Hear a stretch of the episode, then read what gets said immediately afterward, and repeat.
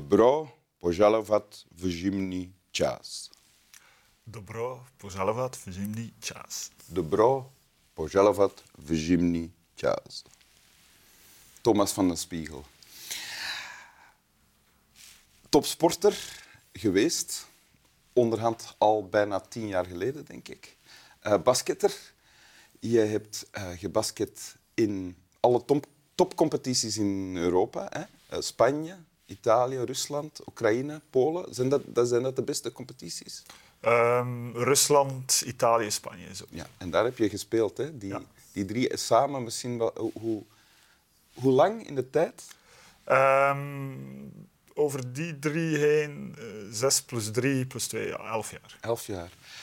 En dan topsporter af, zoals het gaat met alle topsporters. Want je krijgt blessures, je wordt te oud. En dan ben je maar CEO geworden van Flanders Classics. Koers, dus iets heel anders. Ja. Maar eigenlijk ook net hetzelfde. En je bent het soort CEO dat niet per se graag CEO genoemd wordt. Ik vind dat uh, die vlag niet de ladingen altijd dekt. Ja, maar in elk geval, dat betekent Flanders Classics, jullie organiseren eigenlijk alle belangrijkste Vlaamse wielerwedstrijden. Hè? Van de Ronde van Vlaanderen ja. tot de, alle wereldbekercrossen in ja, Vlaanderen en in het buitenland. We hebben een zestigtal events per jaar, denk ik, waarvan de Ronde van Vlaanderen natuurlijk het belangrijkste, het belangrijkste event is. Uh, maar we hebben ook heel veel veldrijden, we hebben heel veel uh, events ook voor, uh, voor recreanten. ja. Dus dat, ja. dat, is heel het jaar door.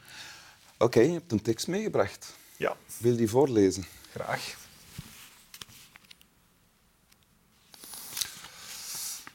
Aan Tjadeev. Niet lang werden we het hof gemaakt door het bedrog van roem, hoop en trouw. Kwijt is het plezier van onze jeugd geraakt, zoals een voorbije droom, zoals de dauw. Maar ons verlangen is nog niet versmacht, tot aan de rand vervuld van ongeduld. Bedrukt door het juk van de fatale macht, luisteren we naar wat ons land uitbrult. Geobsedeerd zijn we aan het wachten op het heilige breken van de dijken, zoals een jonge man met zijn gedachten geen seconde van zijn lief kan wijken. En dit is van Pushkin, Alexander Pushkin. Het is de eerste keer dat iemand uh, een tekst van Pushkin meebrengt. Hoe kom je bij Pushkin? Of bij deze tekst? Ik wilde um, heel graag iets van Rusland erin krijgen. Ik heb al Pushkin, toen ik drie jaar in Rusland woonde, onrechtstreeks uh, leren kennen. Uh, Pushkin was 19e eeuw, maar heel veel in Moskou, waar ik woonde, verwijst nog naar Pushkin. Dus zo uh, pleinen en zo. Ja, er is een heel, het grootste plein van Moskou uh, is naar Pushkin genoemd. Mm -hmm. ja, Ploshat uh, heet dat. en daar is ook Pushkin Café, een heel bekend restaurant. Ja. En, en, daar kwam ik bijna dagelijks voorbij. En uh, de figuur Pushkin, die daar ook zijn standbeeld heeft, intrigeerde wel. Hè, want ik had, uh, ik had toen een soort chauffeur slash assistent uh, toegewezen gekregen vanuit de club. En dat was een oud geschiedenisleraar. En die vertelde heel graag over de, de, de, de, Russische geschiedenis, de grote geschiedenis van Rusland. Over, in die mate dat je soms langer in de auto bleef zitten om te luisteren naar zijn verhalen? Ja, toch wel. Uh, en ook toen mijn ouders op bezoek kwamen, was dat natuurlijk een zegen. Hè, want je stuurde die een paar dagen op pad en die kwamen terug met heel veel verhalen en met plekken die ze gezien hadden. En hij vertelde ook heel, hij verwees ook heel graag naar de Russische literatuur als we ergens passeerden. En, uh, over Dostoevsky, over Tolstoy, over Tsjechov, maar ook over, over Pushkin, uh, die misschien de meest intrigerende figuur van alles en, en wiens proza ik toch wel proberen lezen heb ook. In het Russisch dan? Nee, helaas. Ah, ik kan een beetje Cyrillisch lezen. Ik, kan, uh, ik zeg altijd, ik kan kleedkamer- en restaurant-Russisch. Dus ik ken heel veel woorden die je daar nodig hebt. Maar niet, niet genoeg om naar het nieuws te kijken. En je kan ook in het Russisch zeggen, welkom bij Winteruur. Hè? Ja, dat hadden we goed geoefend. um, maar je zei over Pushkin dat het een um, intrigerend figuur was. Ja, Pushkin um, was een antitsarist. Um, dus tegen het regime. In uh, welke tijd was het? Ja, begin 19e eeuw. Ja. En, uh, en was heel kritisch voor het regime. Um, maar hij had ook een heel turbulent leven. Heel veel uh, liefdesverhalen. Is ook niet oud geworden. Is gestorven in een duel.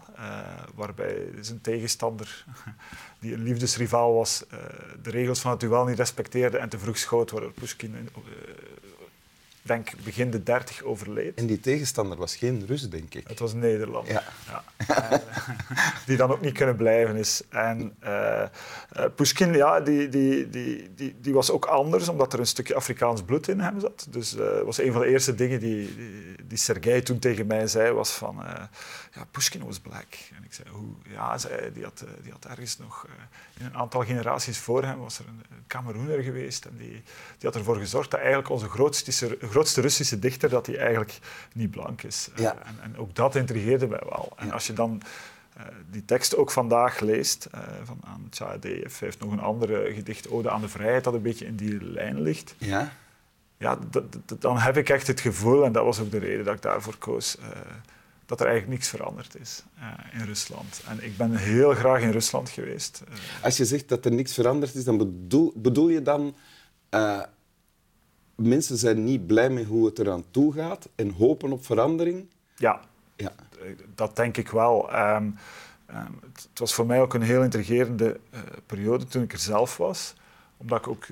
Ik ben daar heel graag geweest. Dat was tussen 2000 en 2010? Nee, 2006, 2009 ongeveer. Ja. Ja. En uh, Medvedev, Medvedev was toen uh, president hè, en Poetin had Poetin was dan eerste minister ja, Poetin was eerste minister. Ik ben ook nog naar de parades op het Rode Plein geweest. En zo. Dus ik vond dat heel intrigerend allemaal om dat te proberen snappen. Um, en we, toen had je ook de eerste generatie van mensen die uh, nog maar net het communisme hadden meegemaakt. Maar je voelde ook dat niemand echt, ondanks het feit dat ik daar heel graag was uh, en dat ik misschien nooit in een gastvrijer land gewoond heb dan, uh, dan Rusland, ja. dat mensen echt snakten naar te kunnen zeggen wat ze dachten. Wat ze toen al niet meer konden ook. Wat, wat, nee, wat, wat toen historisch eigenlijk al not done was. Uh, en, en, en, toen had je wel zo'n nieuwe generatie, geboren begin jaren 90, een stuk jonger uh, dan jou en mij, die, die, die, wel internationaler was, die wel naar het buitenland keek, die wel dacht van waarom zouden wij dat niet kunnen. Maar dan zie je toch dat we nu een aantal stappen teruggezet hebben. Ja. En dat we, dat we terug eigenlijk bij af zijn. En eigenlijk, als, je, als je de tekst van Pushkin goed leest, dan, dan, dan, merk je eigenlijk dat, dat dat snakken naar te kunnen zeggen wat je denkt en dat te kunnen uh, echt oprecht zijn, dat, dat dat er toen ook al in zat in de, in de tsaristische tijd. Ja, want als we dan gaan naar de tekst, hè, um, het zijn telkens vier regels. In de eerste vier regels, niet lang werden we het hof gemaakt door het bedrog van roem, hoop en trouw. Kwijt is het plezier van onze jeugd geraakt, zoals een voorbije droom, zoals de dauw. Dus ooit hebben we gehoopt op beterschap, hè, staat er in die eerste regels. En dan, maar ons verlangen is nog niet versmacht, we zijn nog niet alle hoop kwijt. Tot aan de rand, vervuld van ongeduld, bedrukt door het juk van de fatale macht, luisteren we naar wat ons land uitbrult. Dat klinkt al als iets waar je eigenlijk als individu, als mens, niet tegenop kan. Is, uh, wat toen het blijkbaar het geval was, de tijd van het tsaren, en wat nu nog altijd het geval is voor veel Russen. Dus daar, daar heb je het over nu ook, denk ik. Ja, helemaal. Tegelijkertijd, um, toen het minder uh, acuut was uh, en toen er geen oorlog was, um, had ik wel het gevoel van dit is Rusland. Het is zo groot dat er sterk leiderschap nodig is en een centraal... Ja, toch wel, in Moskou was echt wel heel toonaangevend. Ja, ben ook in Vladivostok geweest. Dan vlieg je negen uur binnen hetzelfde land. Uh, om, om daar grip op te krijgen, dan denk ik, ja, sterk leiderschap is in zo'n land ergens wel nodig. Hè. Maar Ja. de, de grens tussen sterk leiderschap en wat we vandaag zien, is natuurlijk... eh, dat ligt mijlenver uit elkaar. En, Ja. en dat vind ik... Allee, het is voor- bij mij ook een beetje van... eh, ehm, Dus Poetin is geen model voor jou als CEO. Nee, maar ik, nee, totaal niet. Maar ik, ik, ik denk ook wel dagelijks aan, aan, aan, aan- de Russen die ik ken. En aan, ja, ik, ik, kom, ik heb wel altijd contact Heb je daar nog contact mee? Hè? Ja, en, en, je voelt ook dat, dat, dat smachten wat hier ook in staat, je voelt dat ook wel. Ook al wordt dat niet altijd uitgesproken. Ja. En heb je te doen hè, met, je, met die mensen? Heel, heel erg. Eh, maar ik heb ook in Mariupol gewoond. Eh, en In Oekraïne? In Oekraïne, waar niet heel veel meer recht staat. Daar Ja? heb ik ook een aantal maanden eh gebasketbald. Dus vlakbij de, de zee van Azov, hè, de staalfabriek waar, eh, dat was eigenlijk, eh, die was verbonden aan de club waar ik toen speelde. Dus die staalfabriek waar we het over gehad hebben Ja. eh, in het nieuws de voorbije maanden. Dus ik, ik, ik zit daar met een heel ja, bijna... Ik durf er soms bijna niet op doordenken, uh, omdat het heel moeilijk te snappen is ook allemaal. Ja. Wat jij vooral doet, is dat meeleven met de mensen die je hebt gekend. Aan de twee kanten van... Ja. Oké. Okay. Wil je het nog eens voorlezen? Heel graag.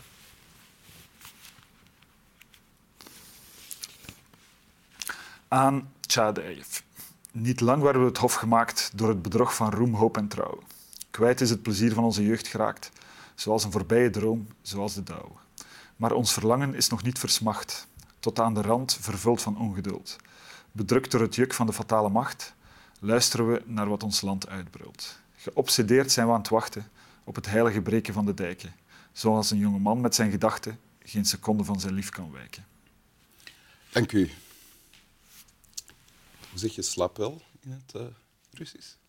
Ha, uh, dobre noc, denk ik, maar dat ben ik niet helemaal zeker. Dobre noc. Dobre noc. Als ik Russisch praat, dan leg ik graag mijn hand op mijn